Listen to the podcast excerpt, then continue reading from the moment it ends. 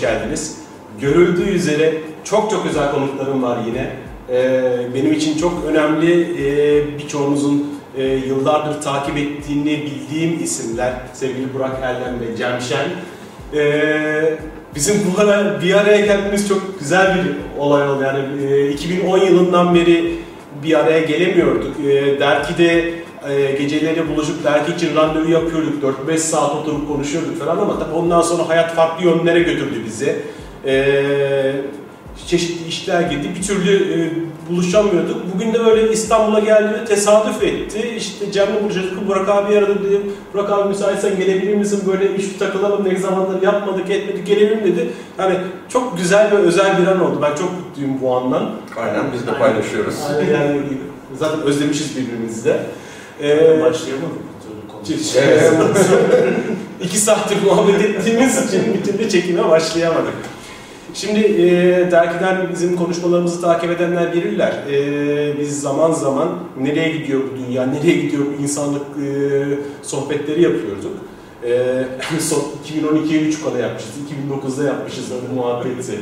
Yalnız e, Onları benim... sanal ortamda yapıyorduk tabii. Tabii sanal ortamda MSN'de oturuyorduk. Saat 10'da başlıyorduk. Sabah 3'e kadar böyle 5 saat, 6 saat sohbette yapıyorduk. Fakat şöyle bir şey vardı. Yani o günlerde e, Burak abi ve Cem'in söylediği ne varsa açıkçası neredeyse hemen hemen hepsi çıktı.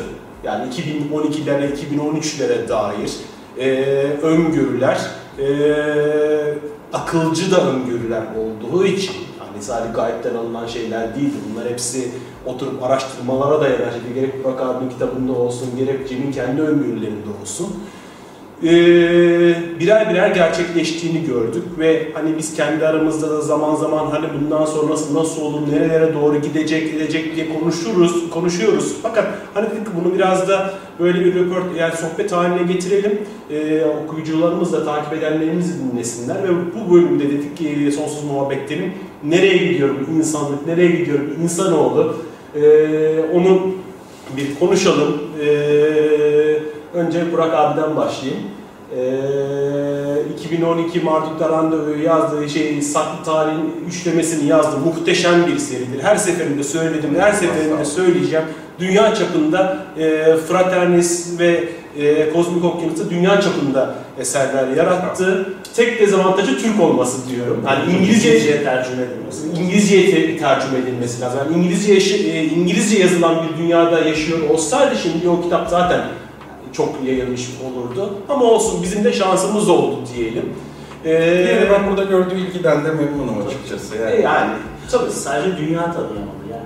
İhtimalle Toplum Çelik kadar önemli bir eser olurdu büyük ihtimalle bu üçleme. Yani işte o Hasan'ın söylediği Yani- dezavantajlarımız var ya işte burada yaşıyor. E tabii bir yandan yayın hani her ne kadar yayıncılarımız olsa da burada düzenli böyle e, yayın şeyleri sıkıntı, okur sayısı bir parça sıkıntı. Ama neyse yani meraklısı yine geldi, buldu, bizleri öğrendik. Şimdi e, yeni işte e, romanının ön proloğunu geçenlerde gördük. Diren aklım. Hatta bak şuradan hemen Hemen alalım.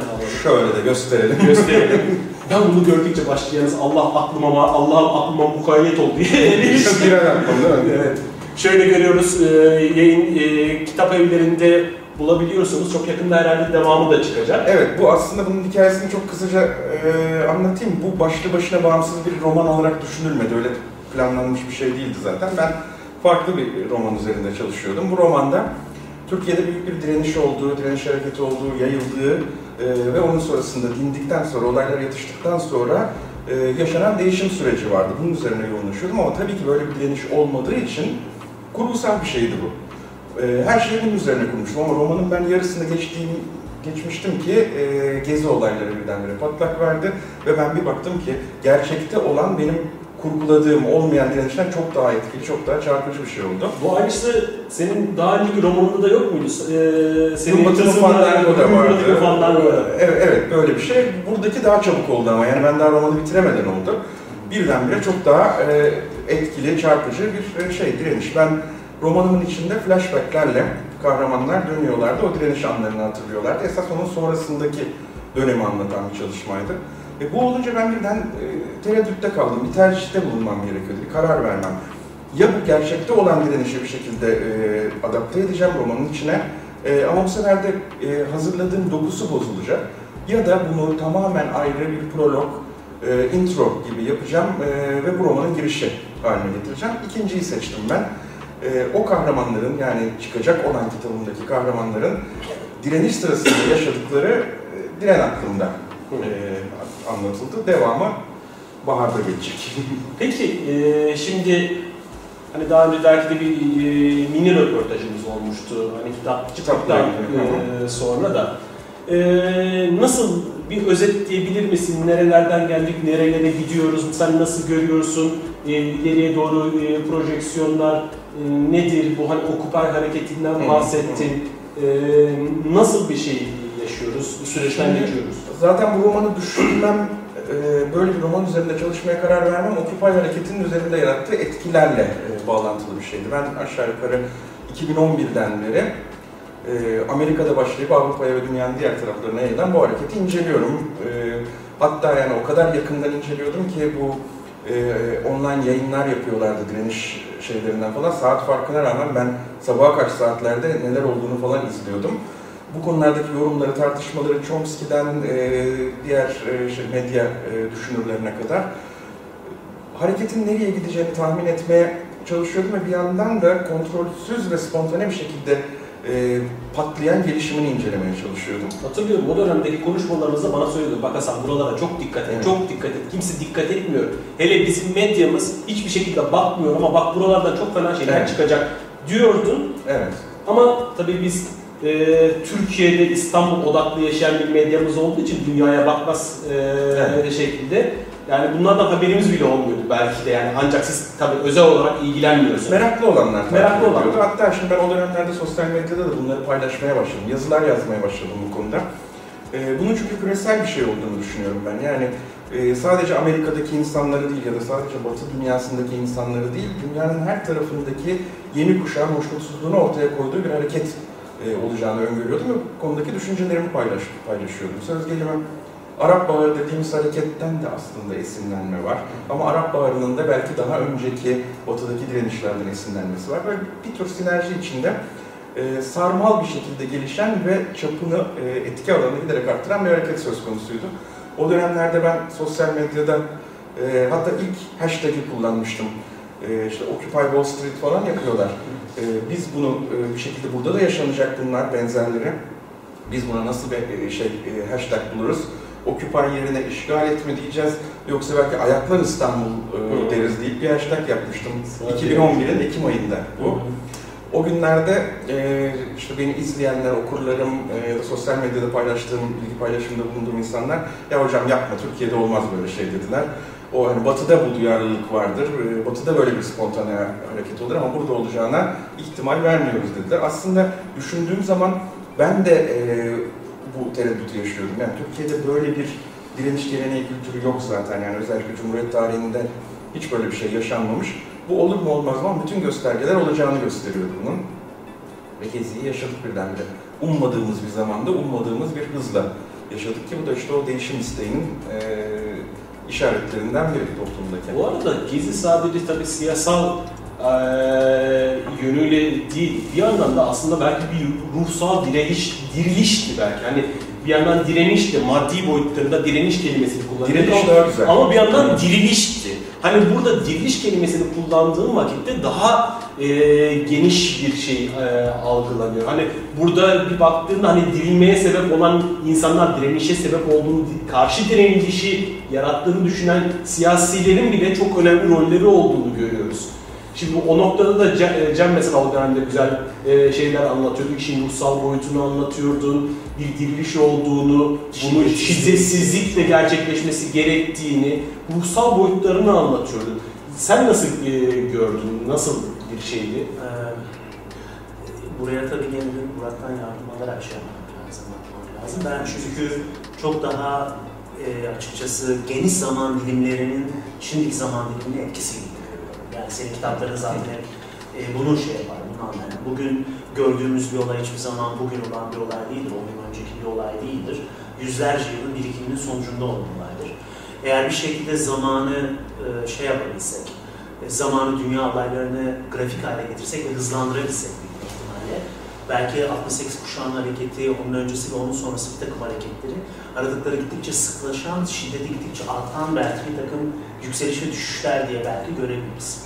Böyle bir şeydir. Bu e, bir tane harekete baktığınız zaman hareket bastırılabilir, dikkat çekmeyebilir, münferit bir hareket olabilir ama zamanla gittikçe bu hareketlerin sıklıkları kapanıp şiddetleri artmaya başlıyor. Nitekim benim bakış açımdan Türkiye'deki bu hareket sadece Türkiye ile kısıtlı bir hareket değil. Bütün dünya tarihinin e, getirdiği bir e, işleyiş bozukluğunun sonucunda olan bir hareket bence. E, çok önemli çünkü bu işleyiş bozukluğunu görebilecek cesaret, zeka demiyorum ama cesaret gençlerde her zaman var. Nitekim işte aramızdaki konuşmalardan bilirsiniz, başka zamanlardan bilirsiniz. Benim her zamanki fikrim şudur, bir şey yapılacaksa bunu gençler yapacaktır. Bizim yaşlarımızdaki insanlar yapmaz. Bizim yaşlarımızdaki insanlar belki aklı selime insanları çekmeli, şiddetsizliğe yönlendirmeli, mizahı öne çıkartmalı. Bizim yapmamız gereken şey bu. Ama hareket mutlaka gençler tarafından başlatılmalı ve hiçbir plana da sahip olmamalı. Çünkü bir plan varsa daima çöker. Plansızsa asla çökertilemez hareket. Nitekim ben bunu işte iddia ettim biliyorsunuz ve e, 2013 yılının Mayıs-Haziran aylarında böyle bir şeyin olabileceğini de varsayıyordum bazı sebeplerle. E, bu olay olduktan sonra eşimin annesi gelip şey dedi, e, sen dedi gençler bir şeyleri değiştirecek diyordu ve ben buna inanmıyordum. Dedi. Ve gördüm ki gerçekten gençler başlıyormuş. Mesela önce şunu söyleyeyim, çok gururlandım. İnanılmaz gururlandım bu olaylardan. Ee, tabii ki Türkiye'deki herkes aynı fikirde olmayacaktır şüphesiz ama benim için çok gurur kaynağı. Ee, onun yanı sıra, bu gurur kaynağı, kaynağı olmasının yanı sıra da şundan da aynı zamanda çok mutlu oldum. Ee, Avrupa bizim Türk insanının Osmanlı'dan bu yana özellikle gelen bir kendine güvensizliği var biliyorsunuz. İnanılmaz bir özgüvensizliğimiz var. Ve işte çocukluğumuzdan bu yana üç aşağı beş yukarı aynı yaşlardayız. Her zaman e, işte gavur daha iyi bilir algısı vardır biliyorsunuz. Hani yabancı memleketten birisi daha iyi bilir, onlar daha iyi yaparlar algısı vardır. Ve biz daima onların karşısında özgüven eksikliğiyle hareket ederiz. Bizler bunu aşmış insanlarız ama genele baktığımız zaman toplum genelinde maalesef bu özgüven eksikliği var. Öte yandan bu gezi hareketiyle birlikte başlayan özgüveni görüyoruz ve çok daha önemli bir şey görüyoruz.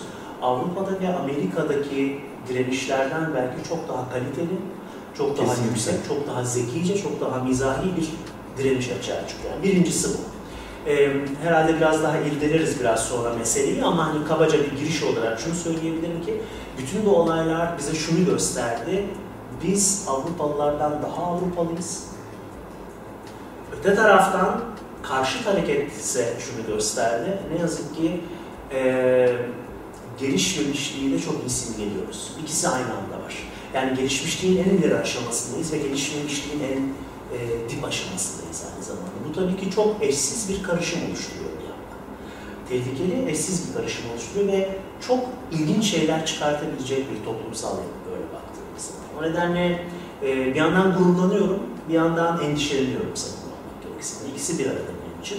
Ama bu hareketin burada bitmediğine inanıyorum ve bir takım siyasal, sosyal e, değişimler yaratacağına inanıyorum gene bu hareketin Türkiye ile 3-5 yıldır, 10 yıldır olan olayla, bugünkü siyasi yapıyla da bir alakası olduğunu inanıyorum. AKP karşı bir hareket olduğuna inanmıyorum. Bunların hiçbir tanesine inanmıyorum. Bunun tümüyle en az 100-120 yıllık bir geçmişten Kesinlikle. ama çok daha eskiye gider ama yoğunlaşmaya başladığı tarihin 100-120 yıllık bir geçmişten geldiğine inanıyorum ve ilk kıvılcımında Amerika'da patladığına inanıyorum. İlk başlangıcında Amerika'da patladığına. Bu hareketin artık sıklaştığı, büyüdüğü noktalardan bir tanesi oldu. Son olarak şunu söylemem lazım. Bu kalitedeki hareketi zannediyorum biz bir 68 kuşağında Fransa'da başlangıcında gördük olayı. Bir de İstanbul'da, Türkiye'de 2013'te gördük. Aradaki olaylar çok ilginç ama bu kalitede olmadı. İlk defa bu kalitede oldu. Dolayısıyla sen bana ruhsallığını sordun ben biraz da antropolojik açıdan baktım olaya. Ancak e, bu insanların bazı şeyleri artık onlara dikte edilen şekilde görmek istemediklerini anlatıyor. Uyanış. Oysa insanlar uyanıyorlar. Ve uyanış her yöne gidecek bence. Ruhsal yönünde gidecek, siyasal yönünde gidecek, sosyal yönünde gidecek. Hayatın umut ediyorum. Umut ediyorum tabii. Bu bir umut. Bastırılabilir ama benim umudum bu. Tabii ilginç bir şekilde şey yani e, Anadolu'nun dünya için yeri ve öneminin de hani biz hep böyle jeostratejik, öneminiz böyledir böyledir diye şey yaparız. Onu hep derslerde anlatırlar falan ama gerçekten hani hem doğu dünyasının hem batı dünyasının hem gelişmişliğin hem tam karşıtının hepsinin bir araya geldiği bir noktadan çıkması belki de yeni dünya oluşumu için bu bir sembolün e, Anadolu'dan başlaması e, aynen dediğine katılıyorum yani bu e, AKP karşıtı ya da Recep Tayyip. Erdoğan karşıtı bir şey değil. Bence- Herkes bir vesile buna. Ve burada tüm dünyaya dair global bir şey var. Yani kapitalizme dair bir şey var. Hatta şey e, söyleniyor. Yani 2016'lara falan gelindiğinde dünyada kapitalizmin çöktüğünü göreceğiz gibisinden şu anda öngörüler var. Umarım. Olur mu olmaz mı bilmiyorum ama ne dersin? Bunlar, bunlar tabii çok boyutlu tartışılması, e, analiz edilmesi gereken şeyler. O kadar iddialı bir şey söyleyemem şu anda ama ben zaten hep beraber yaptığımız o e, dergideki üçlü sohbetlerde de şunu e, altını çizerek söylüyordum ısrarla. Finans kapital dönemi yani kapitalizmin en son dönemi artık uzatmaları oynuyor. Ama bu uzatmalar ne kadar olur? Hakemler ne kadar oynatacak bunu bunu bilmiyorum. Bir de neyle sonuçlanır da hala belirsiz galiba değil mi Burak? Yani kapitalizmin başarısıyla da sonuçlanabilir ve köleleştirilebilir insanlar ve gönüllü yapabilirler. Ya da tam tersine ayaklanmalarla belki şey yapabilir, ortadan Yani kapitalizmin başarısına en azından şu tanık olduğumuz olaylardan sonra çok fazla ihtimal vermiyorum. Çünkü özellikle genç kuşak, senin söylediğin Y kuşağı, Z kuşağı e, olarak adlandırılıyorlar şu anda. E, ben senin o konuda söylediklerine yüzde yüz katılıyorum. Geçenlerde değerli bir akademisyenle, bir hocamızla sohbet ediyorduk. Bana şeyi söyledi. Ben de, de e, birikimim çok fazla, bilgim çok daha fazla e, yaşım itibariyle ve deneyimlerim itibariyle ama dedi e, 23-24 yaşındaki e, genç bir akademisyen adayına oranla önemli bir dezavantajım var benim. Hayalim yok dedi. Hayaller dedi 22-23 yaşında pik yapar, zirveye çıkar, ondan sonra yavaş yavaş o hayal gücü azalmaya başlar. Bir de ölümsüzlük yaşlarıdır değil mi? Yani bizim gibi başka Tabii. kaygıları yoktur Tabii, tabii, tabii. gençlerin. E, Yani. Ha, hocanın söylediği oydu. Onların hayalleri var, hayalleri olduğu için de güçlüler o hayallerini hayata geçirme konusunda da tereddüt etmiyorlar. Dolayısıyla bir şeyler değişecekse toplumlarda gençlik yapar. 68 örneğin çok güzeldi.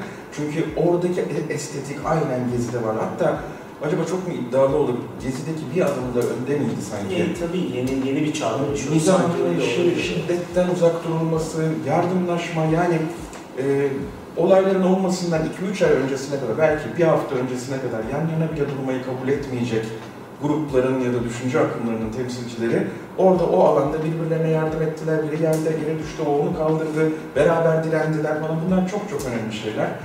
E, direndikleri şeyinde e, yine aynı şekilde sana katılıyorum. Şu anda mevcut iktidar, siyasi iktidarla sınırlı olmadığını aslında 100 yıl geriye gidelim. Çok gecikmiş bir değişimin artık yeter e, çığlıklarıyla hayata geçirilmesiydi bence. Burada şey olabilir mi Can? Hep şey aklıma geliyor. Yani hiç hesaba katılmayan e, bir kart. Yani insanın ruhundaki o özgürlük isteyen, hani sen dedin ya köleliğe dönüştürülebilir mi diye. Ben e, dün bir e, fuardaydım, onu e, izlerken şunu fark ettim. Biz hani ruhsal eğitimler alıyoruz, veriliyor, şunlar yapılıyor falan ama sanki bu eğitimler 25 ile 45 yaş arası kuşağa hitap ediyor. Çünkü onun altındaki kuşak ve hele ki yeni gelenler o kadar açıklar ki şu anda, o kadar açık gelecekler ki belki bu eğitimlere ihtiyacı olmayacak. Biz belki anne babalarımızdan devraldığımızı e, nötrlemeye çalışıyoruz. Hani senin zamanında çıkarttığın bir kitap vardı, geçmişi onarmak, Hmm. geleceği şifalandırmak diye. Hani biz belki böyle bir ara tampon görevi yapacağız da yeni kuşaklar ardından gelenler zaten açık olduğu e, için zaten bir süre sonra şey değişecek gibi. Hani belki benim içindeki umut da o. Yani insanın ruhundaki o özgürlük isteği bir yandan e, her şeyi değiştirebilir mi diye düşünüyor. Yani tekrar kapitalizm başarılı mı, tekrar köleleştirebilirler mi? E, ben bu noktada hani içinde o umudu taşıyorum. Yani o yüzden bunun bir diriliş olması, belki kıyamet, yani hani kıyam etme, e, dikilme artık ruhsal olarak yeter lan artık ben böyle bir yaşam istemiyorum. Yeter bu kadar haksızlık. Niye ben sabah saat 8'de yola düşüyorum, akşam 6'ya kadar geliyorum ve yaşamak için bu kadar evime barınmak için, yemek yemek için, ne bileyim sevişmek için bile bu kadar e, çalışmak zorundayım. Ama belli bir kitle var ki e, onlar bambaşka bir şekilde yaşıyorlar. Yeter artık neden insanca yaşamıyoruz, neden insanca hakkımız yok. Biz bu gezegende böyle miyiz falan mesela sanki büyük bir bilinç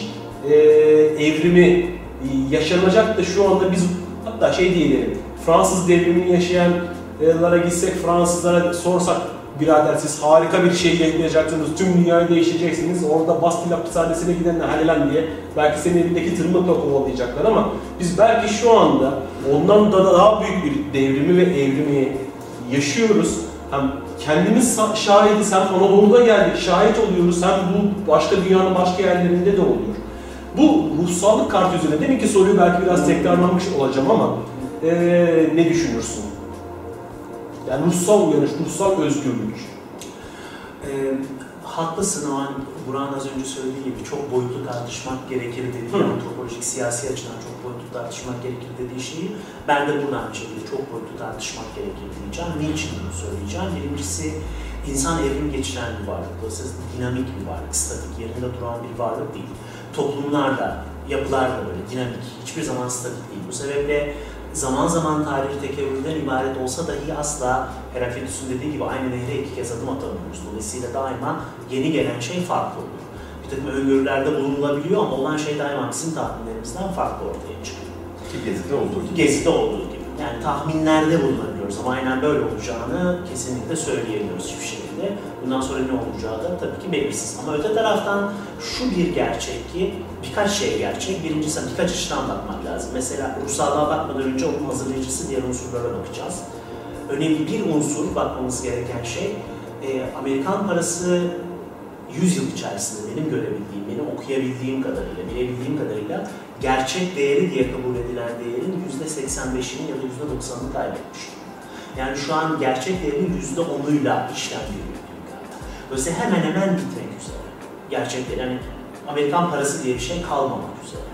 Bunun karşılığında bu ne demek? Amerika bütün varlıklarını hisse senetleri aracılığıyla Merkez Bankası'na satmış demek. Merkez Bankası'nın sahipleri ise bir siyasi yapıyla alakası olmayan çok uluslu şirketler biliyorsunuz. Yani toplam bir grup aile. Tabii bir komple teorisi gibi şu an bu anlattıklarım ama kabaca durum bundan ibaret. Dolayısıyla ortalıkta hareket halinde olan paranın bir değeri yok ve insanlar hiçbir şey yapmadan, hiçbir şey yapmadan. Yani senin cebinde 10 lira para olsun ve sen burada dur, hiçbir şey yapma. Paran yerinde dursun. Bundan bir sene sonra paran değer kaybediyor. Dolayısıyla sürekli değer kaybıyla karşı karşıya kaldığın bir durumda e, yaşıyorsun ve bunu alabilmek için her gün biraz daha fazla çalışman gerektiği anlamına geliyor. Dolayısıyla insanlar onlardan kaynaklanmayan bir para kaybı, bir gelir kaybı sebebiyle daha fazla çalışmak durumunda kalıyorlar. Peki bu kaybolan para nereye gidiyor? Kaybolan para gene işte merkez bankalarına vesaire gidiyor.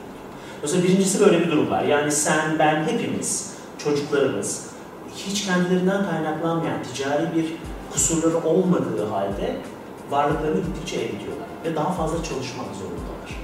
Üstelik bir yandan da bu insanlara diyorlar ki e, normal koşullarda bu insanlar çalışmazlar. Çalışabilmeleri için ihtiyaçları olmayan şeylere ihtiyaçları var gibi anlatıyor. Ruhsallık aynen burada başlıyor şimdi tamam mı? Dolayısıyla e, Buda'nın çok sevdiğim bir şey vardır. Buda der ki ben yalnızca ıstırabı ve ıstırabı nasıl iyileştirileceğini ve oradan yola çıkarak der ki neyin ne olduğunu görmenizi sağlamaya çalışıyor. Bizler baktığımız zaman neyin ne olduğunu her zaman göremiyoruz. Çünkü çok fazla e, koşullanmış haldeyiz. Özellikle bizim kuşağımız daha iyi ama e, gittikçe daha da tabii kötüleşti. E, özür dilerim, bizim kuşağımız daha iyi derken bizim kuşağımız daha iyi değil. E, bizim kuşağımız e, daha kötüydü ama daha iyiye doğru gitmiyor. Gittikçe daha da kötüye gidiyor önceki kuşaklara Ee, çok fazla şeye ihtiyacımız olduğunu düşünür hale geldik. O kadar çok şeye ihtiyacımız olduğunu zannediyoruz ki bunlar için gereksiz çabalar harcıyoruz. Öğrencilerime her zaman söylediğim bir şey var. Bugün eğer iki oda değil bir odada yaşamaya karar verirsiniz. Çünkü bir yatakta yatıyorsunuz. Ondan sonra işte şuna değil buna sahip olmayı, işte iki araba değil tek otomobile binmeyi ya da otomobile binmeyi vesaire vesaire vesaire bunlara sahip olursanız herkes zengin olduğunu görebilir. Ama öte taraftan bizler e, mutluluğu sahip olduğunuz ürünlerle eşit kabul ettiğimiz için dolayısıyla sürekli tükettiğimiz bir yapı içerisindeyiz. Yani bugünkü sistemin başarısı ve beni korkutan kısım burası zaten. İhtiyacımız olmayan şeyleri ihtiyacımız var gibi hissettirmesi. Ve bunu bizlere değil, bunu çocuklarımıza yapıyorlar. Ya bugün bana iPad'de oynamayan bir tane çocuk göster. iPad'den ürün satın almayan bir tane çocuk göster. Anlatabiliyor muyum? Yani çocuklar daha bu yaşta bir şeyleri satın almaları gerektiğini sinir sistemlerine kodluyorlar. Bir buçuk iki yaşında çocuklara başlandı bunlar kodlanmaya. Buraya geldiğimizde çocuklar yarın öbür gün mutlu olmanın yolu satın almaktır mantığında bizler olduğundan çok daha fazla bir şekilde bunun üzerine inecekler. İşte beni en çok ürküten nokta burası. Çünkü bizler ihtiyacımız olmayan şeyleri ihtiyacımız var gibi hissettiğimiz sürece ne yazık ki kapitalizm işte bu noktada başarıya ulaşabilir. Beni korkutan kısım burası. Ondan sonra köleye dönüşebilirsiniz rahat rahat. Bu işin bir kısmı. Ancak öte taraftan bir gerçek var ki, tabii teoriler bunlar ama dünya nüfusu bir yere kadar geldikten sonra gerileyecek teorisi var biliyorsunuz. İşte Avrupa'daki bilmem neredeki nüfusta azalma zaten bunu gösteriyor. 8 milyara kadar çıkacak, 8 milyardan sonra gerileyecek kuramı var. Böyle bir şey olursa, bu 8 milyardan geriye doğru bir düşüş meydana gelirse, bu düşüşün nerelerde duracağını tam olarak bilmiyoruz. Çünkü savaşlar olmadı, kitlesel hareketler, e, insanların büyük kısmını ortadan kaldıracak doğal felaketler olmadı, hastalıklar olmadı. E bunlardan, bunlara baktığımız zaman nüfusun bir yerde gerileme ihtiyacı var. Gerilemezse çünkü nüfusu besleyecek kaynaklara sahip değiliz. Herkes Amerika'daki gibi de Almanya'daki gibi yaşarsa biliyorsunuz bu dünya yetmiyor. Yani 10 tane 20 tane bile dünya gerekiyor bunun olabilmesi için. Dolayısıyla kaçınılmaz olarak karşımızda bir engelle karşı karşıyayız. Dolayısıyla bu sınıra dayandığımız zaman bizler ne olacak çok merak ediyorum. Dolayısıyla ya ruhsal bir takım temellere geri dönüş yapacağız. Çünkü herkes aynı şekilde yaşayamaz. Dolayısıyla ben de Amerikalı gibi yaşayayım, ben de Alman gibi yaşayayım, ben de senin gibi yaşayayım diyeceğimiz bir noktada değiliz. O nokta itibariyle şunu anlamanın bir yolu var mı acaba bunu merak ediyorum. Gezi hareketi benim için bu açıdan çok önemli. Benim olanı seninle paylaşabilirim. Senin acını geçirmek için ne yapabilirim? Seninle nasıl empati kurabilirim? Yani kendimden dışarı nasıl çıkabilirim? Senle beni nasıl aynı kabul edebilirim?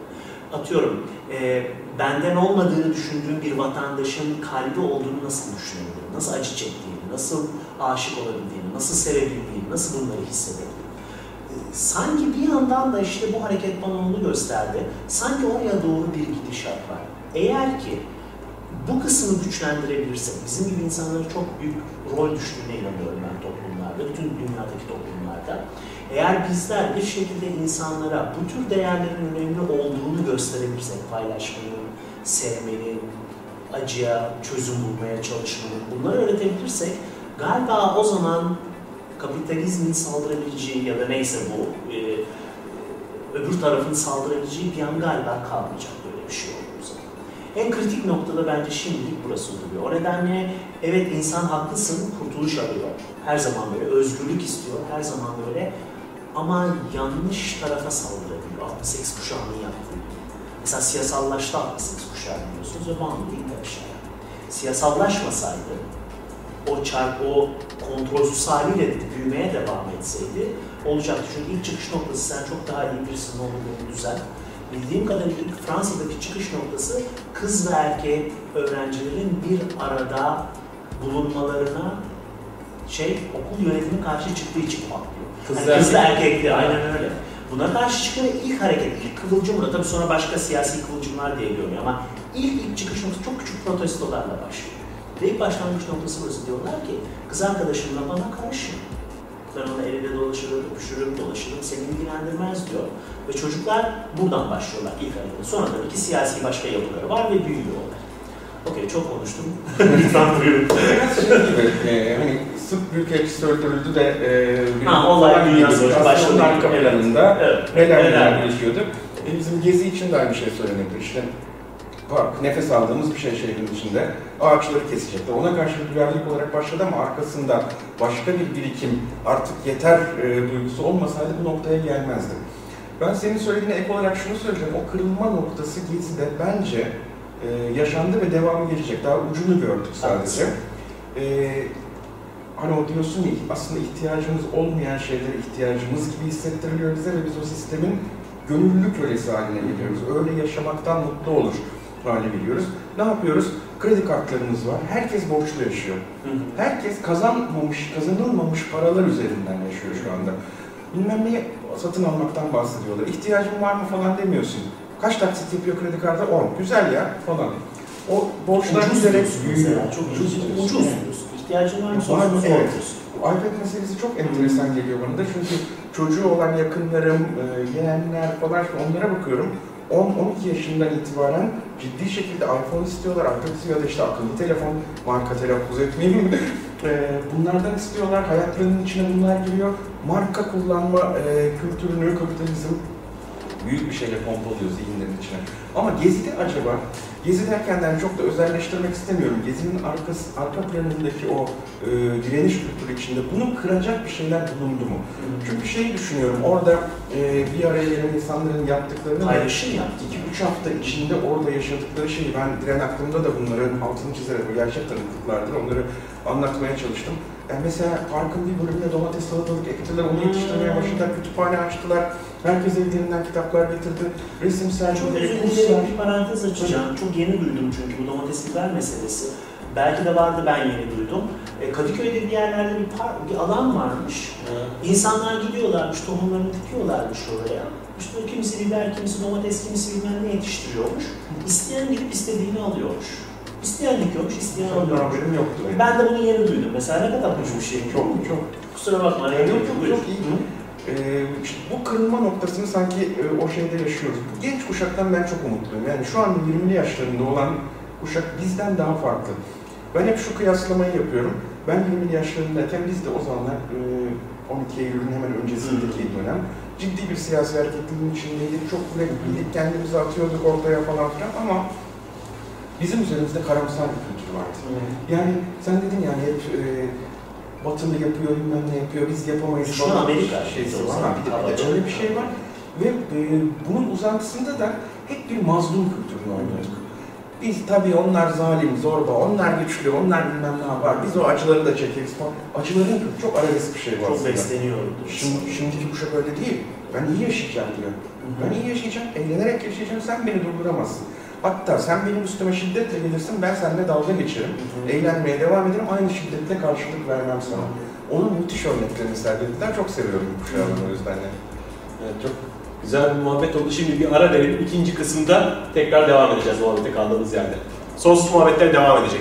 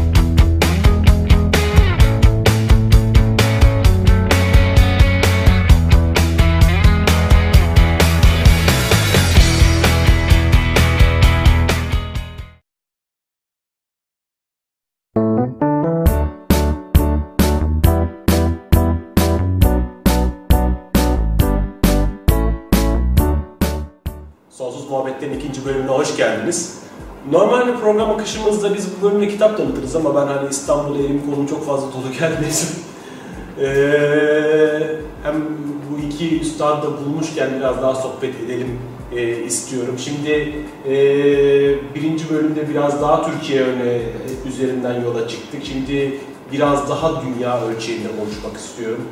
Eee, dünya ölçeğine gelince aslında yine girdik bir yerlerden başladık. Kaçınılmaz tabii. Ee, devam ettik de ee, hani e, bundan sonrası önümüzdeki günlerde ne gibi şeyler yaşarız, ne gibi şeyler olabilir? Hani böyle hani kehanet bile olmasa akılcı, akılsal e, kehanet de demeyeyim de öngörüler, Öngörü. öngörüler neler olabilir? Nasıl bir yöne doğru gideriz diye tahmin ediyorsun diye.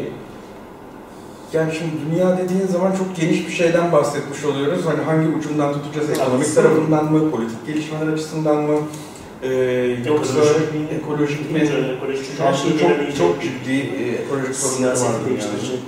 Siyaseti Türkiye'de de e, aslında bir dönem etkiledi. Mesela şu HES'ler sırasındaki e, tepkiler, sivil inisiyatifler falan ekolojinin de Türkiye'de aslında e, politik e, hareketlilikle iç içe geçebileceğini gösteriyor. Çok fazla sorun var bir kere dünyada. Şimdi e, önceki bölümde Cem nüfus meselesinden söz etmişti. Bu e, zamanında biliyorsunuz papaz Thomas Malthus Hı. nüfusun geometrik hızla arttığı ama kaynakların aynı hızla artmadığı için e, nüfus dengelenmediği takdirde çok olumsuz sonuçlara doğru götürebileceğini söylemişti dünyayı. Çok eleştirilir Malthus tabii ki e, biraz kara tablolar çizer, yaklaşımı da çok sevimli değildir açıkçası. Ama söylediklerinde ciddi bir gerçek payı var. Bir kere şunu unutmamamız lazım. E, dünya nüfusunu besleyen şey tarım. Yani biz teknolojinin kralını yapalım. İşte elimizde akıllı telefonlarımız, tabletlerimiz, şunlar bunlar olsun. Tarım herhangi bir şekilde sekteye uğradığı anda yani eve ekmek götüremiyorsak o teknolojini al başına çal. Yani hiçbir işe yaramaz.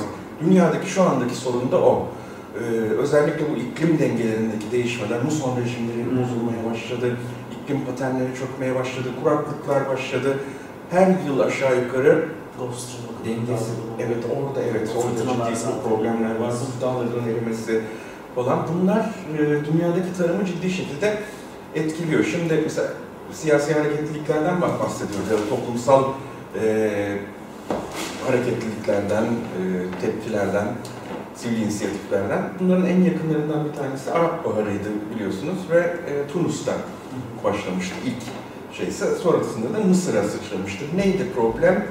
E, gıda fiyatlarındaki e, aşırı derece- derecedeki artış gelir e, düzeylerinin bunu karşılayamaması. Yani eve ekmek götüremiyorsan, yiyecek götüremiyorsan ya da bunu yapmakta zorlanıyorsan hani dedin ya demin şunun için daha çok çalışmam gerekiyor Daha ama çok. daha çok çalışsam da bunu almakta zorlanıyorum. O noktaya geldiğinde insanlar buraya kadar arkadaş diyorlar. Yani ben her şeye göğüs gererim, kabullenebilirim ama o noktadan itibaren ben durmam diyor. Yani ben bunu kabullenmem diyor. Şimdi dünyada öyle bir evreye doğru geçmekte olduğumuzu tahmin ediyorum. Tabii ki temenni inşallah, e, bu sözcüğü de çok sevmem. E, inançlı bir insan olmadığım için ama umarım diyeyim. Umarım ki e, bu tarımla ilgili problemler en azından dünyanın kafa kafaya verip çözebileceği bir e, inisiyatifin devreye girmesini e, sağlar ve geride bırakılır. Yoksa çok ciddi problemler yaşayacağız. Ve orada da başka şey var. Bu hani Monsanto diye bir firma var. Resmen evil karanlık bir e, şirket. Her şeyi ele geçirmiş. Amerika'yı ele geçirmiş. Şimdi bizim ülkemizde aynı şekilde şeyleri başlatıyor. Yok GDO'su var, yok osu var, busu var. Hani yiyeceği kontrol eder, dünyayı kontrol Evet. eder diye bir laf var. Tabii tabii tabii. Yani tarım alanlarını kontrol eden de dünyayı kontrol eder. Mesela bizde genellikle bu kahvehane ya da erkek berberi geyiği diyebileceğimiz geyikte şey var. Abi adam petrol tabii ya petrol işi bu. Tamam petrol önemli bir şey enerji kaynağı olarak ama tarım alanlarını kontrol etmek çok daha önemli bir şey. Burada aynı zamanda besini zaten ucuz almamızı sağlıyor yakın tarihte. Ha, yani tabii tabii tabii yani bir de öyle hani e, iç içe olması meselesi var bunun. Bununla ilgili e, ciddi problemlerin artık ufukta bile değil, e, birebir yaşanmakta olduğunu düşünüyorum. Peki kapitalizm günümüzde nasıl e, bakıyor olaya, nasıl yaklaşıyor? Hayatlarımızı ne şekilde belirliyor? Dediğimiz gibi işte son aşamasındayız, finans kapital aşamasındayız. Dikkat edin her yerde finans uzmanları çıkıyor, konuşuyor. yatırımcılar, bankalar, büyük finans şirketleri, söz sahibi olanlar bunlar. Yani e, kapitalizmin ilk çıktığı dönemlere, ilk yaşanmaya başladığı dönemlere bakarsan birebir üreticiler vardı. E, işte ham maddeyi alıyor, işliyor, satıyor. Bunlar söz sahibiydi. Şimdi olmayan bir kazancın yani önümüzdeki yıllar içinde olması beklenen kazancın üzerinden faiz e, Evet. beklentisiyle çalışan e, uzmanlar ve bunların oluşturduğu, bunların e, bir ordu halinde çalıştıkları, lehine çalıştıkları dev şirketler grupları e, hakim dünyadaki üretimi. Kapitalizmde bunların elinde değil, bunların elinde çöküyor açıkçası. Çünkü e, hani hazıra daha dayanmaz e, lafı atasözünde olduğu gibi sen 3 yıl sonra, 5 yıl sonraki e, yapacağın üretimin e, parasını şimdi yemeye ya da onu projekte ederek şimdi kullanmaya başlarsan e, herhangi bir aksama halinde e, istemediğin şeylerle yüz, yüz yüze gelmeyi de kabullenmiş olursun. Kapitalizmin birinci problemi bu ama e, ilk baştaki e, bölümde sorduğun şey çok doğru. Peki ne olacak? Yani şimdi finans kapital hakikaten ciddi bir kriz yaşıyor. Kapitalizm çözülme noktasına kadar yaklaşıyor ama alternatifi var mı? Şu anda e, büyük soru işareti bu. Yani o açıdan da senin e, az önce söylediğin bu iş kapitalizmin e, ya da işte o güçlülerin zaferiyle sonuçlanır mı sorusu da ister istemez gündeme geliyor. Çünkü herhangi bir şey ortadan kalkacaksa eğer, e, tarihsel dönemini kapattıysa onun yenisi zaten ufukta doğmuş, tomurcuklanmış ve devreye girmeye hazır halde bulunmalıdır. Şimdi öyle bir şey görmüyoruz açıkçası. Yani üretim mu- mu- muazzam şekilde kolektifleşmiş durumda, toplu halde yapılıyor, kitlesel yapılıyor. Büyük şirketler ne kadar üretimler yapıyorlar ama bunun paylaşımı ve dağıtımı konusunda e, alternatif bir model ortaya çıkabilmiş değil. Dolayısıyla finans kapitalcilerin elindeyiz şu anda. Ama onlar çöktüğü zaman ne olacak? Mesela yine Occupy hareketinden bir örnek verelim. Onlar hedeflerine doğrudan büyük tuttular. Sorunun başını e, gördüler daha doğrusu. Sorunun ana kaynağını gördüler. Bu finans şirketleri olduğunu. Onun için Wall Street'i işgal ettiler zaten. Sloganları da biz yüzde 99'uz. diyor. Çünkü yüzde bir e, nüfusun yüzde biri yüzde 99'u kontrol ediyor. E, onun üretimin üzerinde söz sahibi oluyor, hakkı üzerinde söz sahibi oluyor. Ne yaptılar okupaycılar? Toplu bankadan para çekme, hesap kapatma eylemleri yaptılar. Mesela demokrasinin beşiği, e, bu konularda anayasası çok e, sağlam haklarla donatılmış olan Amerika Birleşik Devletleri'ne e, finans kapital birden bir durdu kaldı, ne oluyoruz dedi ve toplu banka çekme eylemlerine polis gönderildi. Kapatamazsınız hesaplarınızı. Ee, büyük buhran döneminde de anımsarsın belki okumuşsunuz yani anımsarsın derken biz tabii o zaman 29 yaşamıyorduk Ağustos. ama e, altın saklamak devlet eliyle suç unsuru kabul. Altını gidip devlete teslim etmek zorunluluğu getirdi Amerika'da. Düşünebiliyor musun? Altın saklayamıyorsun. Altını parayla değiştirmek zorunlular yoksa hapsediyorlardı seni. Yani inanılmaz bir şey. Tabii tabii böyle bir müdahale. Yani ben senin paranı alacağım ve seni süründüreceğim anlamında. Evet. Burada hedefi doğru koydular ve bankadan parayı çektiler. Buna alternatif olarak da faiz kullanmayan e, kooperatif türü e, kuruluşlara paralarını yatırıp işlemlerini oradan yapmaya çalıştılar. Ama yine e, deminki şeyde senin söylediğin bir şey var. Hayatlarımızın içine bir kere bir banka sistemini oturttular bunlar. O kadar yaygınlaştırdılar ki şu anda şunu diyemiyoruz. Hadi abi biz kapatıyoruz hesapları, banka kullanmayacağız. Ne yapacağım? Bir yerde maaşlı çalışıyorsan maaşını bankaya yatırıyorlar. Birisiyle bir iş yapıyorsan ödemen banka üzerinden geliyor. Çünkü bütün hareketlerin kayıt üzerinde ol- olması lazım. Evin kiralık, ev sahibine banka üzerinden yatırman lazım. Alacaksın, bankaya- banka hesap hareketlerine. Evet. Her şekilde bankalara muhtaç durumdasın. Bunun alternatifi yaratılmadan, oluşturulmadan, en azından fikir halinde ve hayata geçirecek halde oluşturulmadan e, kapitalizmin yerini alacak sistemin ne olabileceğine ilişkin herhangi bir öngörüde de bulunmak çok güç şu anda. Çok güç. Ben tabii e, bunları anlatırken bir yandan işin e, acaba ruhsal olarak kısımlarından da ne çıkartılabilir diye düşünüyorum. Yani mesela finans ve kapitalcilerden bahsederken olmayan bir şeyden konuşuyoruz. Hani hep illüzyondur deriz ya, biz bir illüzyonu yaşıyoruz, illüzyonu Evet, yaşıyoruz. Hani şey mi acaba, bu bir son perde olabilir yani son perde derken hani bir anda hücum edip e, insanlığın gözüne iyice bir illüzyonu sokup olmayan şeylerden tamamen bakın bir illüzyonu yaşıyorsunuz. Bu acaba bir bilinç sıçraması yaratabilir mi? Ne dersin? Mümkün, yaratabilir tabii ki ama hiçbir zaman kalıcı bir iyileşme ya da kalıcı bir kötüleşme beklememek lazım bence. Yani diyalektik mantık geçer. Ya da işte uzak doğunun e, Tai Chi mantığı, yin ve mantığı geçerli. Herhangi bir durum, Taocu felsefede öyledir. Herhangi bir durum kendi aşırılığına ulaştığı zaman karşıtına dönüşmeye başlar. Sistem kaçınılmazdır. Yani gece en karanlık olduğu zaman gündüze dönmeye başlar. İşte yokuşun tepesine çıktığın zaman iniş başlar. Kış en sert noktaya girdiği zaman yaza doğru, bahara doğru dönmeye başlar. Dolayısıyla her şey kendi aşırılığına ulaştığı zaman karşıına dönmek zorundadır. Ve her şeyin aynı zamanda, özür dilerim, her şeyin aynı zamanda beslenmesi lazım. Yani evrende beslenmeyen herhangi bir varlık fiziksel ya da zihinsel, soyut ya da somut herhangi bir olgu yoktur. Mesela var olan her şeyin mutlaka bir besine ihtiyacı. Birincisi bunu kavramak lazım. Mesela bir fikrin besine ihtiyacı vardır. Kişilerin besine ihtiyacı vardır. İyiliğin ya da kötülüğün besine ihtiyacı vardır. Dolayısıyla beslenme varsa o orada olacaktır. Beslenme yoksa orada olmayacaktır. O nedenle de ilk başta şuna bakmak lazım. İçinde bulunduğumuz bugünkü koşulları besleyen şey nedir? Ve bugünkü koşulları beslemeyi sürdürecek miktarda besin hala orada duruyor. Bugünkü koşullara baktığımız zaman, bugünkü koşullar diye tarif edeceğimiz şey neden oluşuyor? İlk başta bakalım.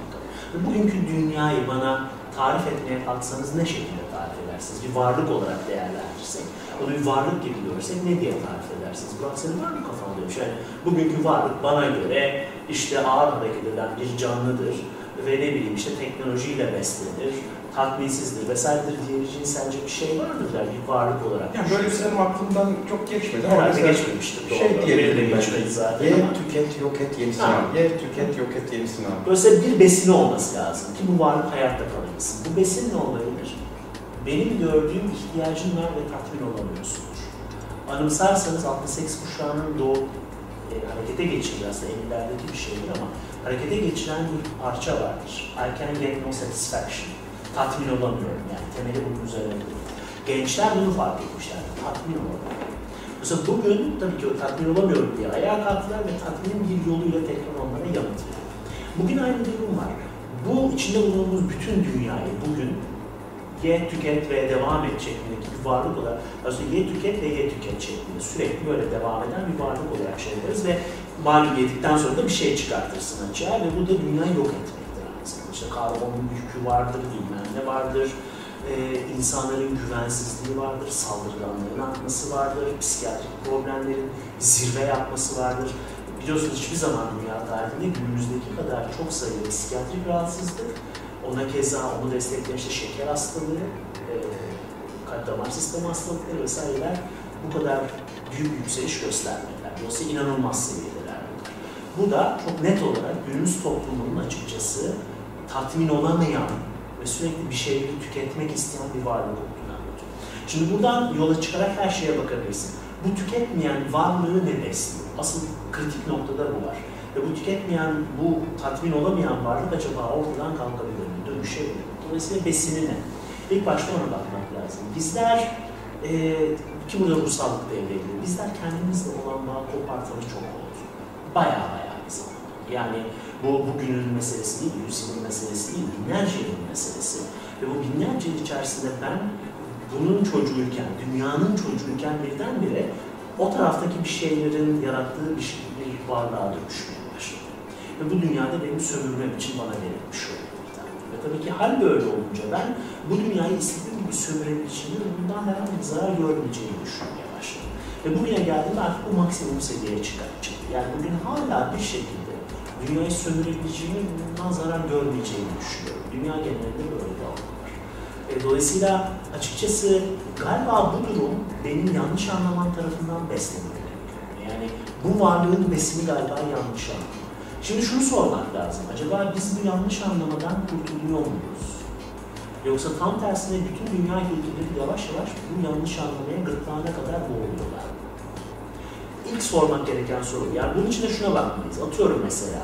Dünyadaki son doğa toplumları, doğa toplumu olarak doğa toplumları doğa toplumu olarak kalmaya devam ediyor. Diğerlerini özendirip doğaya yaklaştıkları bir kültür mü yaratıyor? Yoksa tam tersine modernleşmiş kültürler doğa toplumlarını kendileri gibi olmaya mı zorluyor? Maalesef diğerini görüyoruz. Yani doğa toplumlarını kendileri gibi olmaya zorluyorlar. Ama şimdi bu bir grafik. Grafik yükseldi. Maksimum seviyeye çıktı. Bir dönüşüm gerçekleşecek.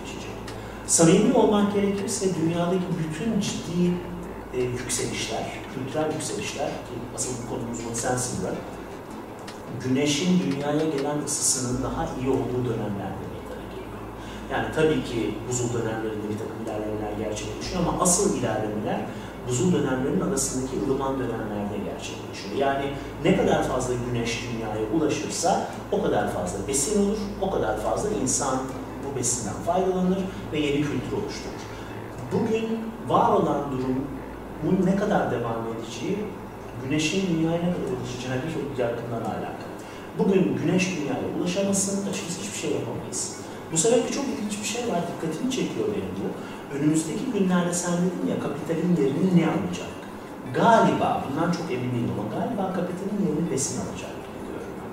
Nereden bu kanıya varıyorum? İki sebeple bu kanıya varıyorum. Birincisi, e, çok ilginç bir şekilde biliyorsunuzdur belki, Çin Afrika'da büyük tarım toprakları satın alıyor. Neredeyse ülkeler büyüklüğünde tarım toprakları satın alıyor ve burada tarım yapıyorlar.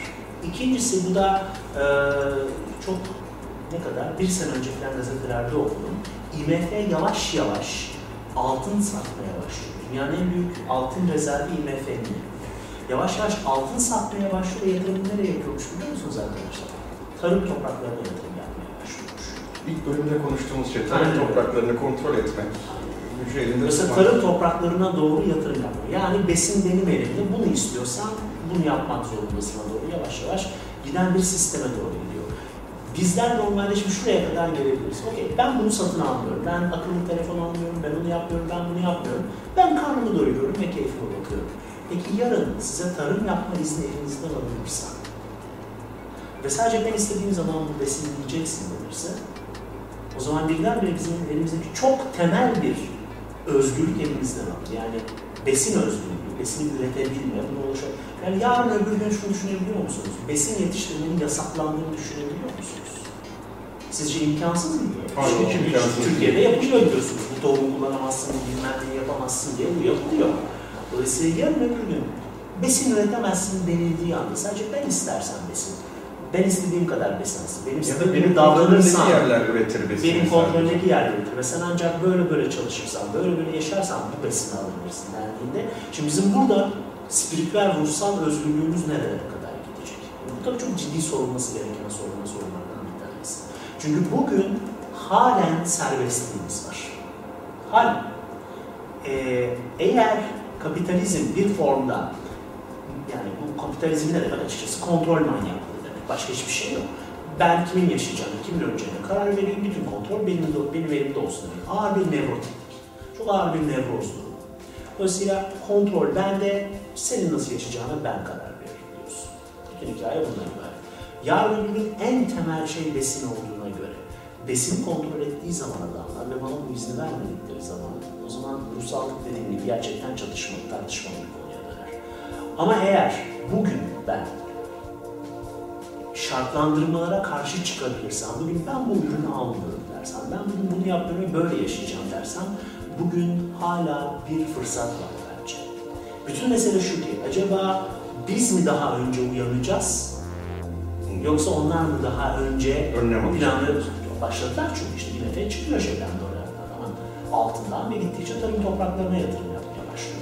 Onlar mı daha hızlı hareket edecek, biz mi daha hızlı hareket edecek? Tabii onlar ve biz biraz böyle ikilemli bir durum ama, gerçek bundan ibaret. Şimdi bu noktada açıkçası tabii bunlar yapılanlar ama bir de olanlar var. Hiçbir zaman bilemediğimiz, senin o bahsettiğin X kartı her zaman bence orada duruyor. Dolayısıyla ruhsal böyle tuhaf bir alan ki yani insan ruhu, insan evrimi öyle tuhaf bir alan ki hiç beklenmedik yani hiç beklenmedik sonuçlar doğurabiliyor. Dolayısıyla her zaman e, insandır ama farklıdır. Çok severim. O her zaman şunu söyler, her zaman bir bilinmeyen durum vardır der. Yani sen her şeyi böyle yaparsın, her şeyi sonuca götürmeye çalışırsın ve birdenbire bir bilinmeyen faktör ortaya çıkar ve hesaplayamadığın bir durum ortaya çıkar. Her şey işi. Çanakkale Savaşı'nda olduğu gibi. Yani bütün koşullar savaşın kazanılacağını gösteriyordu ama işte ortaya birdenbire bir X faktör çıktı. Ve o X faktör birdenbire Çanakkale Savaşı'nın kazanılmasını onlar tarafından yani işgalci devletler tarafından kazanılmasını engelledi. Mesela bugün de bilmediğimiz bir X faktör ortaya çıkabilir. Sen dedin ki yerine doğacak olan sistem kendini göstermeye başlar. Çok haklısın. Ama bazen de o kadar bilinmez bir şekilde pat diye açığa çıkar ki aslında bütün kanıtlar oradadır ama biz göremeyiz. İşte az önce arada şey konuşuyorduk hatırlarsanız. Ee, Ben dedim ki bize bugünkü gençler ayağa kalkacaklar, tüketime karşı çıkacaklar ve işte bu sayede yaptırımı engelleyecekler ve başka bir e, şey yaşayacaklar diye düşünüyoruz. Ama bugünkü gençler belki de bilmiyorum bunu ben ne bileyim cep telefonu da kullanacağım, tüketmeyeceğim de diyebilir belki. Bu şimdi bizim gibi eski kafaların anlayamayacağı bir şey. Çünkü bizim için gerçeklik böyle kurgulanmıyor ama gençler için belki şimdi böyle kurgulanıyor. Dolayısıyla şunu galiba düşünmek lazım, bu çok önemli. Ee, benim derslerime gelen öğrencilerimde çok sık gördüğümüz bir şey bu. Ee, kendileri çalışmaya başladıklarında, meditasyon yapmaya başladıklarında, zihinleri berraklaşmaya başladığında bir şekilde, e, tam nasıl olduğuna dair pek çok teori sunabilirim ortaya ama bir şekilde çevrelerindeki herkes değişmeye başlıyor. Kavga edenler, yani çevrelerinde mesela yan dairedeki insanlar kavgalarını bırakıyorlar. İşte bileyim, e, aralarında anlaşmazlık olan karı koca, bu arkadaşımın arkadaşları ama onlarla yakında olan, mesela aralarındaki şey uyumsuzluk tekrar uyuma dönmeye başlıyor. Tuhaf bir şey oluyor. Yani bir insanın zihninin berraklaşmasıyla onun çevresindeki herkesin zihni değişmeye başlıyor. Mesela bugün belki de bizim ülkemizde dahil pek çok yerde manevi akımlara bu kadar yönelilmesinin belki de doğanın kendini kurtarma yönündeki çok cesur bir atılımı ya da çok dahiyane bir atılımı da diyebiliriz belki böyle. Şimdi çok ilginç bir şey duydum. Benim biraz boğazım işte. Gene kusura bakmayın arkadaşlar sazı aldım ben. Yok yok yok yok, öyle bir şey. Ee, çok ilginç bir şey duydum. Ben bunu bilmiyordum. Ee, hani benim de biraz boğazım bu aralar gıcıklanıyor, ses gidiyor, geliyor falan. Arkadaşım dedi ki, müzisyen bir arkadaşımdı. E, Yani müzisyenler seslerini nasıl korurlar dedi. İşte şunu şunu yap, tiz sesli müzik dinleme dedi. Neden dedim? Ses telleri dinlediğin müziği taklit eder Aa, çok ilginç. tiz sesli müzik dinlersen, yani yakında dinlediğin her türlü müziği senin ses tellerin birebir titreşmeye başlar. Aa, çok ilginç. Bilmiyorum. Bu şimdi şeye bağladım. Bir an sen söyleyince, sen güzel bir müzik çalmaya başlayınca çevrendeki insanların da hani ruhsal ses telleri aynı anda titreşmeye başlayabiliyor demek bu. Dünya Schumann rezonansı denen bir şey var. Hmm. Dünya kendi titreşimini yükseltiyor. Demek ki dünya da kendi müziğini çalmaya başlıyor ve bizim de otomatik olarak ses tellerimiz yani ruhsal ses tellerimiz titreşmeye başlıyor. Şimdi bu örnek gelince böyle şey oldu galiba dediğin gibi dünya da bir yana sonuçta hani dünya nasıl bir varlık günümüzde? Aslında dünya canlı bir varlık. Bizim gibi ruhu olan bir varlık. Biz onun üzerinde yaşıyoruz. Hani gayet e, teoremi diyorlar. Yani topraktan ibaret bir şey. Söylüyordu ya işte gayet yaşayan bir organizma. Yaşayan bir organizma. Evet. O da aynı şekilde ilerlemek istiyor. O da gelişmek istiyor. Ve belki bu Schumann rezonansı denen hikayeyi siz daha iyi biliyorsunuz belki. Ben ayrıntılarını ne yalan söyleyeyim o kadar bilmiyorum ama dünyanın işte belli bir titreşimi var ve o titreşim değiştikçe üzerindeki canlıları ve varlıkları değişiyor. İyonosferle yer kabuğu arasındaki elektrik sıçramalarının belli bir frekansı var. Hmm. Yani şu anda işte onun değiştiğine, yükseldiğine dair şeyler ve bunun insan bilincinde değiştiğine dair şeyler. Yani aynı şekilde yani böyle bir müzik bizde çalınıyorsa söylenilen bir eee, şey yani ruhsal değişimde, gelişimde gerçi belki zaman içinde göreceğiz. Çok ilginç bir şey var Hasan. Şunu ben çok fark ediyorum. Belki sizler de fark ediyorsunuzdur. Ben benim konum olduğu için fark ediyorum. Ee, Buda'nın bir lafı vardı. Bütün dünyayı aydınlatmaya çalışmayın. Sadece bulunduğunuz köşeyi aydınlatın der. Bu benim çok sevdiğim bir yaklaşımdır. Dolayısıyla her zaman ben kendi öğrencilerime şunu salıklayarım. Her ne yapıyorsanız yapın. Ne yaptığınızın hiçbir önemi yok. Çok iyi yapın. Kendinizi tam vererek yapın. Ve beklentisiz. Yani iyi yapın, geri kalan hiçbir şey beklemeyin. Parayı beklemeyin, başarıyı beklemeyin, alkışı beklemeyin. Sadece iyi yapın bu kadar. Ve iyi yapmaktan keyif aldığınız için diyor. Bu yapıldığı zaman tuhaf bir şekilde bu manevi bir şey olmasa da manevi bir şeye dönüşüyor. Ruhsal bir şeye dönüşmeye başlıyor. Yani şunu sen düzgün yap, e, bu meditasyon olmasın, namaz kılmak olmasın fark etmiyor. Aynı sonucu doğurmaya başlıyor dünyada. Ve gittikçe e, mesela Facebook'ta ya da sosyal medyada buralarda şunu görüyorum. Yakın bir zamana kadar varsayımsal maneviyat söz konusu olduğunda ayakları yere sağlam basmayan varsayımsal bir takım ifadeler olurdu. İşte oradan enerji geldi, buradan renk geldi. Evet. E, biliyorsun her zaman benim haz etmediğim eleştirdiğim Evet, konulardır bunlar. E, Dolayısıyla da ruhsallıkla ilgilenen herkes sanki azıcık deli ayakları yere sağlam basmayan düştük tipler gibi görünür. Oysa bugün artık yavaş yavaş özellikle mesela son eğitim yolunu çok net gördüm. Görüyorum ki profesyoneller de yaklaşıyorlar. Ve şunu fark ediyorlar ki okey ayakları yere sağlam basan mantıklı sağlıklı insanlar maneviyatla ilgileniyorlar bu tür çalışmalarla. Bu çok iyi bir şey. Ve gittikçe şunu görüyorum. Özellikle farkındalık, konsantrasyon, tarafsızlık, ön yargısızlık gibi kavramlar maneviyatın içerisine sızmaya başladı ve bugünkü söylemlerde bunlar çok artmaya başladı. Çok yakın zamanda yani son 5-6 aydır bu başladı. Hemen hemen Gezi ile aynı dönemde başladı. Dolayısıyla Gezi'nin e, bile, yani bu böyle bir hareketin bile doğadaki bir sürecin doğal dışarı yansıması olduğundan bahsedebiliriz belki.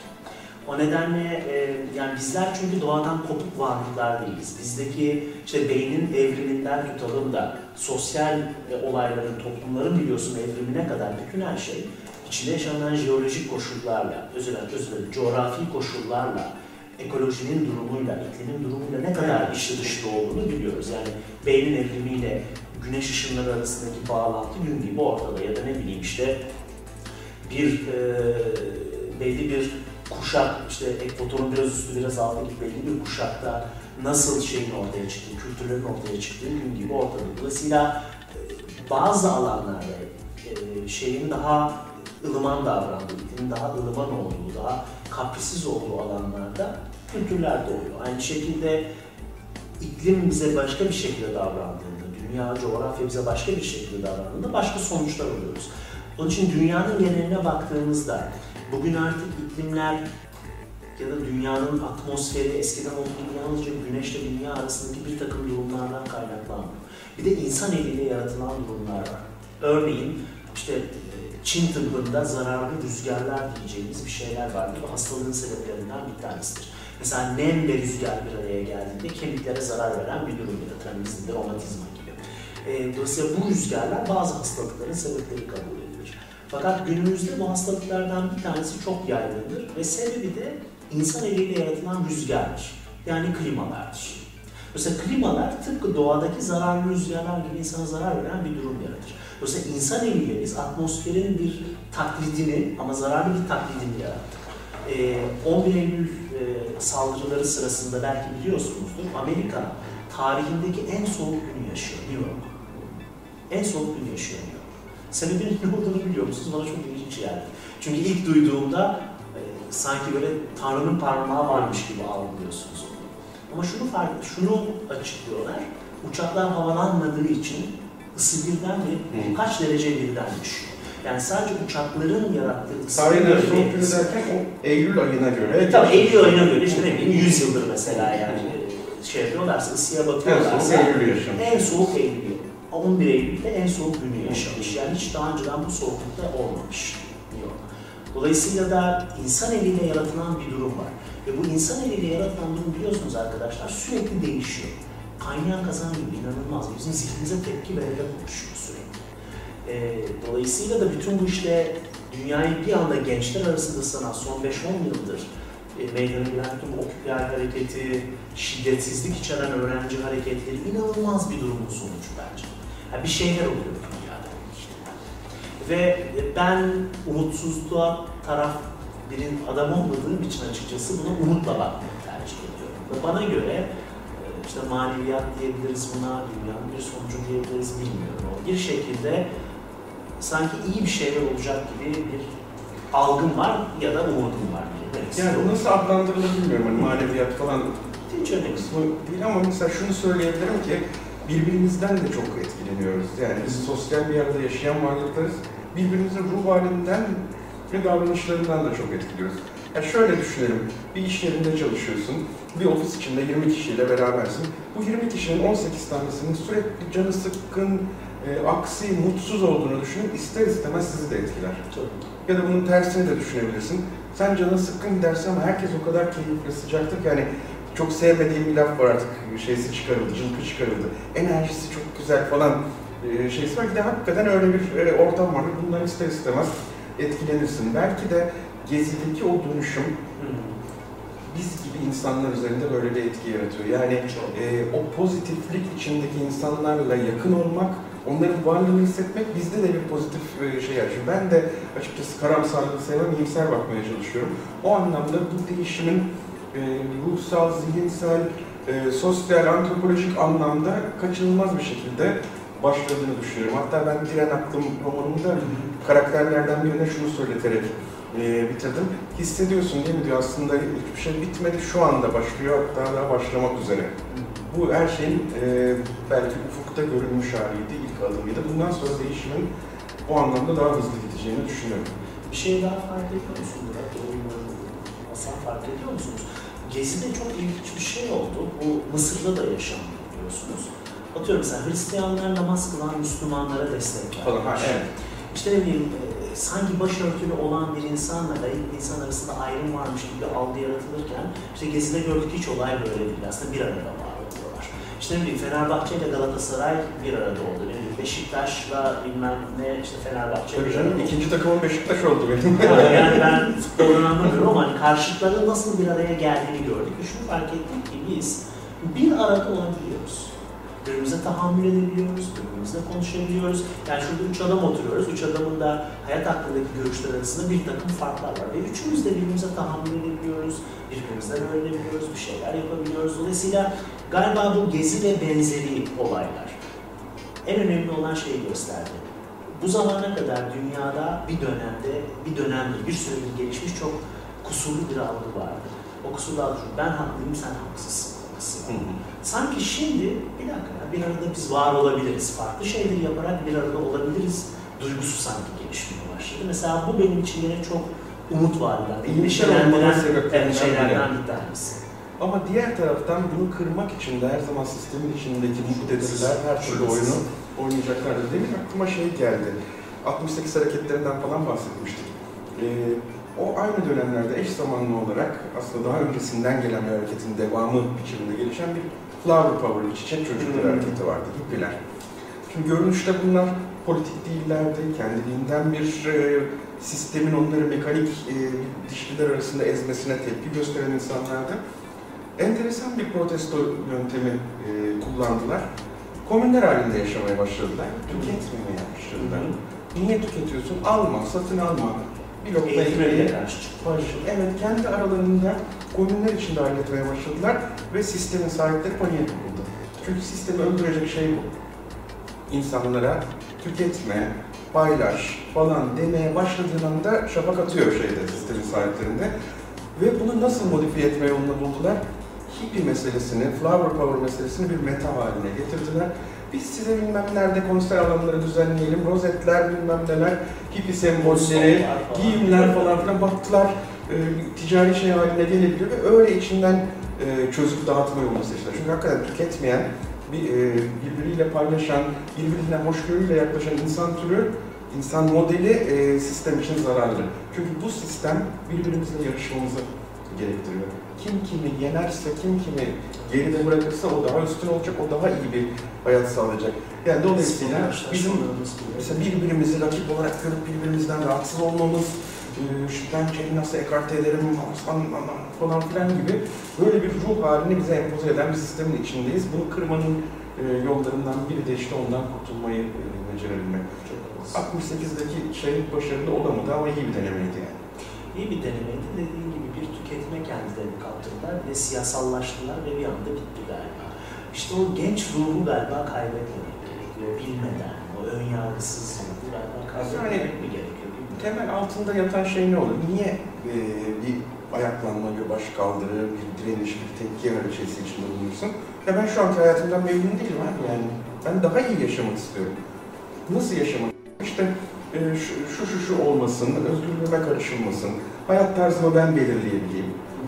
Böyle bir şeyle, taleple ortaya çıkarsın, bunu haykırmaya başlasın. O rahatsızlık olduğu andan itibaren bu talepte yüksek sesle e, dillendirilecek. Yani ben e, siyasileşsin ya da siyasileşmesin kısmında değilim. Daha çok o insanların hayata nasıl baktıkları, hayatlarından memnun değiller çünkü.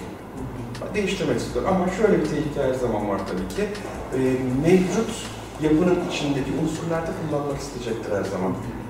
E, büyük bir momentum çıkıyor ortaya çünkü bir anda kitleler kalkıyor ülkenin ya da dünyanın e, gidişatıyla ilgili önemli değişikliklere yol açabilecek bir e, enerji, bir güç oluşuyor ortada. Bu gücü denetlemek, kendi yanına çekmek, kullanmak ya da tam tersi muktedirler açısından bakarsan da yumruğu ezmek e, isteği oluşacaktır. İşte bunlara karşı esnek önlemlerle e, ekarte edebilecek hareketlerin oluşmasını ummak e, durumundayız ki ben bu kuşaktan ciddi şekilde umutluyum. Yani Gezi'de öyle enstantaneler var ki gördüm. Yani hatta posterler de var artık. Duvar posteri oldu biliyorsunuz.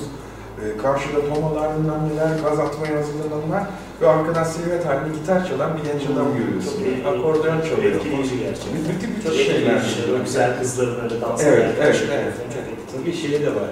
Ben, ben burada şu anda siz ikiniz konuşurken ben burada mes şeklinde nasıl enerji alıyorum biliyor musun? Yani harbiden enerjisini hissediyorsun. İşte bu lazım belki. Yani biz konuştukça bunların hiçbirisi boşa gitmiyor. Burada sadece biz bir e, program çekmiyoruz ya da ne bileyim başka yerlerde de konuşurken, 10 kişi konuşurken bile buradaki frekans ya buradaki e, şey titreşim kitlesel bilinci etkiliyor. Ne kadar çok kişi konuşur, ne kadar çok kişi paylaşırsa bu müzik Aynen. başka müzikleri de etkileyecek. Başka müzikleri de etkileyecek. Ben burada mes şekilde oradan kameradan seyrediyorsanız kendime geçti, kesmediğinde normalde bizim program 30 dakikadan fazla olunca millet ya seyredemiyoruz falan diyordu. Bence eminim buralara kadar seyredildi ve çok da Sıkmadıysak ne güzel. şey. yani harikaydı. Ben böyle geçtim kendimden. Neyse ben sizi bulmuşken hani vaktimiz de varsa bir program daha yapalım, güzel bir şeyler konuşalım istiyorum ama şimdilik burada keselim bu bölümümüzü. Çok teşekkür ediyorum ikinize. Teşekkür Ee, ederim. Yani harika e, şeyler öğrendik. E, bir bölüm daha birlikte olacağız inşallah bu iki üstadımızla birlikte. Bizi dinlediğiniz için çok teşekkürler. Sonsuz Muhabbetler e, gelecek bölümüyle tekrar sizinle birlikte olacak.